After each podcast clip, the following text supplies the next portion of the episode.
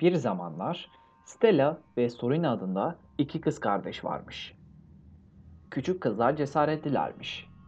Karanlıktan, örümceklerden veya başka ürkütücü şeylerden hiç korkmazlarmış. Diğer küçük oğlanlar ve kızlar korku içinde çömelirken Stella ve Sorina başları dimdik yürürlermiş. İyi çocuklarmış. Anne ve babalarının sözünü dinler ve Tanrı'ya inanırlarmış. Bir annenin isteyebileceği en iyi çocuklarmış. Ama tüm bunlar bozulacakmış. Bir gün Stella ve Sorina anneleriyle birlikte ormandan çilek toplamaya gitmişler. Hava açık ve güneşliymiş. Ormanın içine doğru yürüseler bile ışık çok az soluklaşıyormuş. Anneleri onlara yakını durmalarını söylediğinde onu dinlemişler. Çünkü onlar iyi çocuklarmış. Uzun adamın karşısına geldiklerinde neredeyse öyle vaktiymiş. Açık alanda duruyormuş, bir asilzade gibi baştan aşağı siyah giyinmiş halde. Aşağısına bulutlu bir gece yarısı kadar karanlık gölgeler uzanıyormuş. Birçok kolu varmış. Bir yılan gibi upuzun, kemiksiz ve kılıç şeklinde. Tırnaklarında solucan gibi şeyler kıvrılıyormuş. Bir kelime bile konuşmamış ama niyetini belli etmiş. Anneleri onu dinlememeye çalışmış ama nasıl nefes alacağını unutmuş ve uzun adama itaat etmemeyi daha fazla başaramamış. Açık alanı yürümüş, arkasında kızlarıyla. Stella demiş bir ses. Bıçağımı al ve yere büyük bir çember çiz. İçine yatabilecek kadar büyük. Stella arkasına döndüğünde bunu annesinin söylediğini görmüş.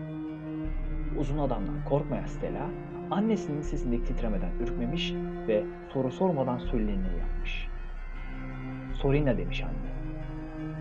Bıçağı al ve kardeşine sapla. Sorina yapmamış. Bunu yapamazmış. Lütfen demiş anne. Bunu yapmazsan daha kötü olacak. Çok daha kötü. Ama Sorina annesinin istediği şeyi yapmamış. Onun yerine bıçağı yere atmış ve ağlayarak eve koşmuş. Hayatında ilk kez korkmuş bir şekilde yatağının altına saklanmış ve babasının tarladan eve dönmesini beklemiş. Geldiği zaman ona ormanda olan korkunç şeyi anlatmış.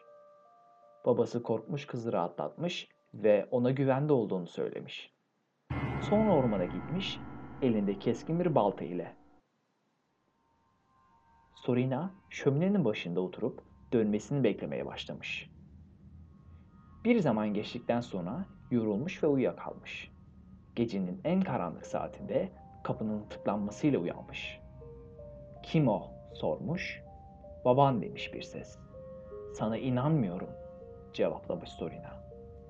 Kız kardeşin demiş ses. Olamaz. Sorina bağırmış. Annen demiş bir ses. Ve sana çok daha kötü olacağını söylemiştim. Babasının çıkarken sıkı sıkı kilitlediği kapı hızla açılmış. Annesi kapının önünde duruyormuş. Bir elinde kız kardeşinin, ötekinde babasının kopmuş kafalarını tutuyormuş. Neden? sızlanmış Sorina. Çünkü demiş annesi. İyilik için ödül yoktur. İnanç için süre tanınmaz. Hepimiz için soğuk bıçak, dişlerin gıcırdaması ve ateşte kırbaçlanmaktan başka hiçbir şey yoktur. Ve şimdi senin için geliyor.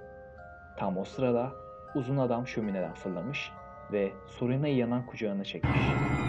Ve bu kızın sonu olmuş.''